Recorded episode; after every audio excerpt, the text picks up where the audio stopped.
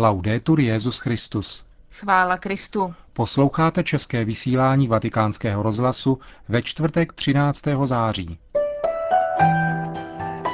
Benedikt XVI. dnes dopoledne přijal na audienci nového velvyslance Slovenské republiky u svatého stolce.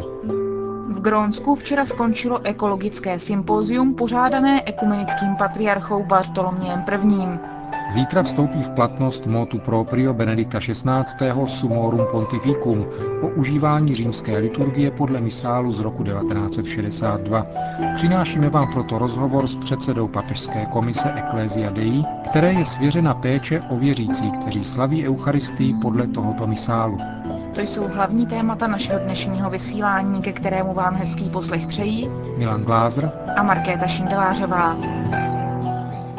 Zprávy vatikánského rozhlasu. Castel Gandolfo. Benedikt XVI. dnes dopoledne přijal na audienci nového velvyslance Slovenské republiky u svatého stolce, pana Josefa Draveckého. Ten dnes papežovi předal své pověřovací listiny. Svatý otec ve svém projevu připomenul 15-leté výročí vzájemných diplomatických vztahů, které připadá na příští rok. Zejména spolupráci v posledních letech označil papež za velmi dobrou.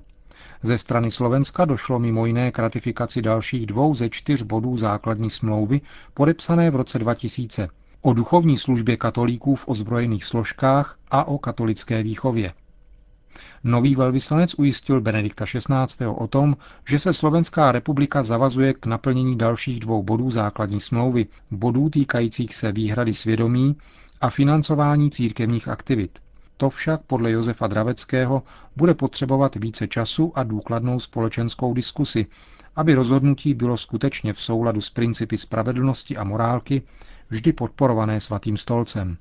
Benedikt XVI. připomněl také potřebu spolupráce mezi církví a společností na formaci mladých, která je obzvláště důležitá v současném ohrožení hodnot manželství a rodiny.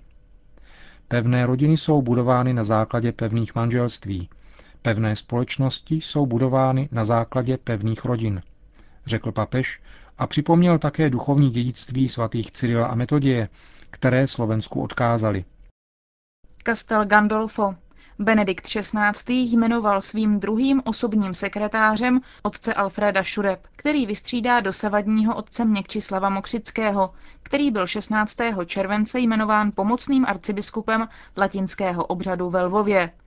Nově jmenovaný 48-letý druhý osobní sekretář, otec Šureb pochází z Malty, z diecéze Gozo a doposud pracoval na prefektuře papežského domu. Jeho úkolem bude spolupráce s monsignorem Georgem Gensweinem, osobním sekretářem svatého otce. Grónsko.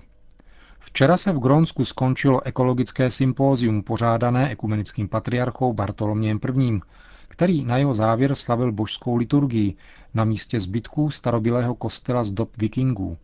Ekologické sympózium je jedno z řady sympózií, které každoročně svolává konstantinopolský patriarcha, aby se na nich projednávaly aktuální otázky životního prostředí. Z Grónska informuje korespondentka vatikánského rozhlasu Giada Aquilino. Nikoli led, ale obrovské plochy země tvořily pozadí včerejšího slavení byzantské liturgie za předsednictví ekumenického patriarchy Bartoloměje I. na základech starobilého kostela v Kvasiarsuk, pocházejícího z doby vikingů, který byl objeven v 60. letech a pak rekonstruován. Dnes je kostel otevřen plně v ekumenickém duchu všem křesťanským komunitám. Místo, jež je symbolem božího pokoje na zemi, řekl patriarcha, když zdravil místní luteránské představitele, doprovázené asi 50 místními věřícími, k nímž se připojil kardinál McCarrick, papežský vyslanec, a otec Paul Marx, jediný katolický kněz žijící v Grónsku, a také účastníci sympózia Arktida Zrcadlo života připomenutím poselství svého předchůdce Dimitrie I. o ochraně stvoření zdůraznil patriarcha Bartoloměj I. potřebu ekumenického úsilí na ochranu životního prostředí. Na závěr pravoslavné modlitby pak následoval pozdrav společenství k Vasiarsuku, jemuž daroval dvě ikony a společná prohlídka vykopávek kostela z roku 1000. Řím. Augustiniáni zvolili nového generálního představeného řádu. Stalo se tak na 182. generální kapitule. Ve funkci bude pokračovat otec Robert Prevo, 61-letý rodák z Chicaga. Podle agentury Zenit šlo o jednu z nejrychlejších voleb za poslední desetiletí. Trvala 20 minut a otec Prevo získal 66 hlasů z celkového počtu 86. Funkční období generálního představeného řádu svatého Augustína trvá 6 let. Německo. Kardinál Lehmann ostře kritizoval propagaci násilí v médiích. Bylo to během slavnostního předání letošní německé katolické novinářské ceny. Předseda Německé biskupské konference upozornil na všeobecně dostupné počítačové hry, v nichž je hlavním cílem zabít druhého člověka. Filmové scény plné násilí a jim podobné počítačové hry to není jenom problém dětí a mládeže, ale celé společnosti, řekl kardinál Lehmann a dodal, že dnes mladí diváci už podobné scény produkují a nahrávají si je do svých mobilů. Podle předsedy německého episkopátu se veřejné mínění o tento fenomén málo zajímá. Je však zapotřebí, aby diskuze o zviditelňování násilí a agrese byla přenesena z odborného prostředí přímo do středu společenského dění, tak jako se to stalo s ochranou životního prostředí. Soul. Oddělení propagandy armády Severní Koreje vydalo příručku s názvem Záchrana našich vojáků před hrozbou náboženství. Mezi vojáky se totiž náboženství šíří a armáda rozhodla ho bez prodlení vymítit. Podle příručky se totiž náboženství šíří v severokorejských ozbrojených silách, které mají za úkol chránit socialismus jako rakovina. Proto musí být vymíceno dříve, než to zjistí naši nepřátelé z celého světa. Píše se v příručce. Kopie dokumentu se dostala ke členu Rady pro demokratizaci Severní Koreje, ke skupině politických exulantů a uprchlíků, která ji přeložila a vydala. Neměli bychom sledovat, poslouchat a číst dokumenty, vysílání ani video a audiomateriály, které vyrobil nepřítel. Nepřítel používá rádio a televizi k falešné propagandě prostřednictvím dobře vypracovaných strategických zpráv a intrik, varuje příručka. Umístují své špiony do mezinárodních delegací, překračují naše hranice, aby tu šířili svá náboženství a pověry a získávají naše občany na svou stranu. Říká se dále v příručce. Náboženství a pověry jsou jako jed, který ničí socialismus a paralyzuje uvědomělou třídu. Naši vojáci musí více než kdy jindy podněcovat revoluční probuzení na boj proti manévrům nepřítele. Píše se v příručce, kterou vydalo, kterou vydalo Ministerstvo obrany Severní Koreje. Náboženská úcta v Severní Koreji tedy náleží jen kultu Kim Jong-ila a jeho otce Kim Il-sunga. Asam. Voda začíná opadávat. Počet uprchlíků v Asamu v severovýchodní Indii se zvedl o 3 miliony. Neustálé přívalové deště způsobily v oblasti rozvodnění toků, které tam zaplavily 9 tisíc vesnic z 23 tisíc. Rozsáhlé oblasti Asamu zůstávají nepřístupné pro pomáhající a veřejné školy se proměnily na přechodné ubytovny pro evakuované. Do pomocných operací se zapojila také armáda s helikoptérami a čluny a úřady zařídily dalších 500 uprchlických táborů. Vláda podle agentury Asia News vykazuje v oblasti od června přes 60 mrtvých a více než 10 milionů osob, které z domova vyhnali záplavy. Konec zpráv. V pátek 14. září na svátek povýšení svatého kříže vstoupí v platnost motu proprio Benedikta XVI. Sumorum Pontificum o užívání římské liturgie podle způsobu, jež předchází reformě z roku 1970. Přesněji řečeno jde o liturgii misálu svatého Pia V. naposledy reformovaného blahoslaveným Janem 23. roku 1962. Slavení Eucharistie podle tohoto misálu, které se koná pouze v latinském jazyce, třeba že nebylo nikdy zakázáno, není nynějším rozhodnutím Benedikta XVI. také nikomu vnucováno. V souvislosti s tímto vstřícným krokem svatého otce vůči těm, kteří se chtějí modlit tímto způsobem, jsme položili pár otázek předsedovi papežské komise kardinálu Dariovi Castellion Hoyosovi, bývalému prefektovi kongregace pro klérus. První otázka se týkala významu zmíněného papežova motu proprio o liturgii. Io direi che già Giovanni Paolo II voleva eh, Chtěl bych nejprve říci, že už Jan Pavel II. chtěl věřícím, kteří mají rádi starobilý ritus, dát možnost slavit jej způsobem, který byl bližší jejich vnímavosti.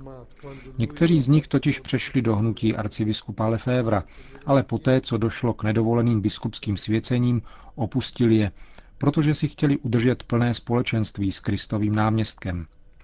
Svatý otec Benedikt XVI. se od počátku podílel na řešení otázky kolem arcibiskupa Lefévra a proto znal dobře problémy, které nastaly pro tyto věřící po liturgické reformě roku 1970.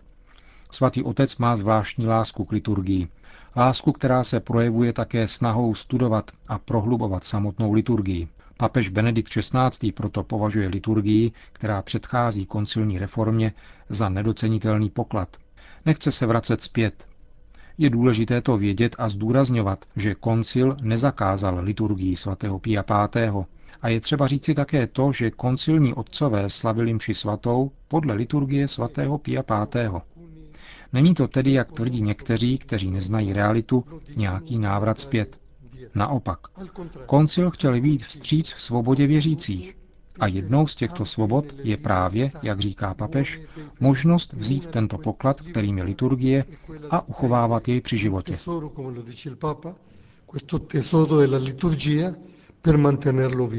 To jsou tedy důvody, které vedly svatého otce k tomuto kroku. Ale co se vlastně ve skutečnosti nyní mění? Con questo motu proprio il cambiamento non è tanto grande. Toto motu proprio ve skutečnosti nepřináší žádnou velkou změnu. Hlavní věcí je to, že je v této chvíli pro všechny zřejmé, že kněží se bez zvláštního dovolení svatého stolce či biskupa mohou rozhodnout slavit mši podle starobilého úzu. A platí to pro všechny kněze, Samotní faráři mají jako vždy ve farnosti nechat otevřené dveře těm platně vysvěceným kněžím, kteří budou chtít slavit. Není tedy třeba žádné další dovolení, žádný další dokument. Papežské motu proprio provázely polemiky a obavy. Je něco nepravdou z toho, co v nich bylo řečeno nebo napsáno? Per esempio, non è vero che sia stato tak například není pravdou, že by byla biskupům odňata moc nad liturgií, protože už kodex kanonického práva praví, kdo dává dovolení slavit mši, a není to biskup. Biskup dává knězi svěcením moc slavit mši. Ale když už nějaký kněz tuto moc má, náleží pak faráři a kaplanovi povinnost pustit jej k oltáři slavit mši. Pokud tomu někdo brání, pak přísluší papežské komisi Ecclesia Dei aby jménem svatého Otce učinila opatření, aby toto právo, které je nyní všem věřícím zřejmé, bylo také respektováno. Co očekáváte od zmíněného motu propria v předvečer jeho vstoupení v platnost? Moje přání jsou následující. Eucharistie je to největší, co máme. Je to největší projev lásky, výkupné lásky Boha, který nás chce provázet touto eucharistickou přítomností. Nesmí být proto nikdy důvodem nesvornosti nebo předmětem boje, protože právě tady musí být všechno láskou. Přál bych si, aby to mohlo být důvodem k radosti pro všechny, kteří milují tradici, důvodem k radosti pro všechny ty farnosti, kde už nebude rozdělení, ale naopak, že tam prostřednictvím ritu, který byl po více jak tisíc let bezpečným nástrojem posvěcení, bude mnohotvárná svatost. Poděkujme tedy svatému otci, který obnovil tento poklad pro celou církev. Nebude nikomu vnucován. Papež neukládá žádnou povinnost, ale podává nabídku tam, kde je mezi věřícími poptávka. Kdyby došlo k nějakému konfliktu, protože lidsky může mezi dvěma skupinami dojít k rozporům, pak je tu autorita biskupa, jak říká mu tu proprio, který musí zasáhnout, ovšem tak, aby nebylo porušeno právo, které dal papež celé církvi il diritto che il Papa ha dato per tutta la Chiesa. Říká kardinál Dario Castiglion Hoyos, předseda papežské komise Ecclesia Dei.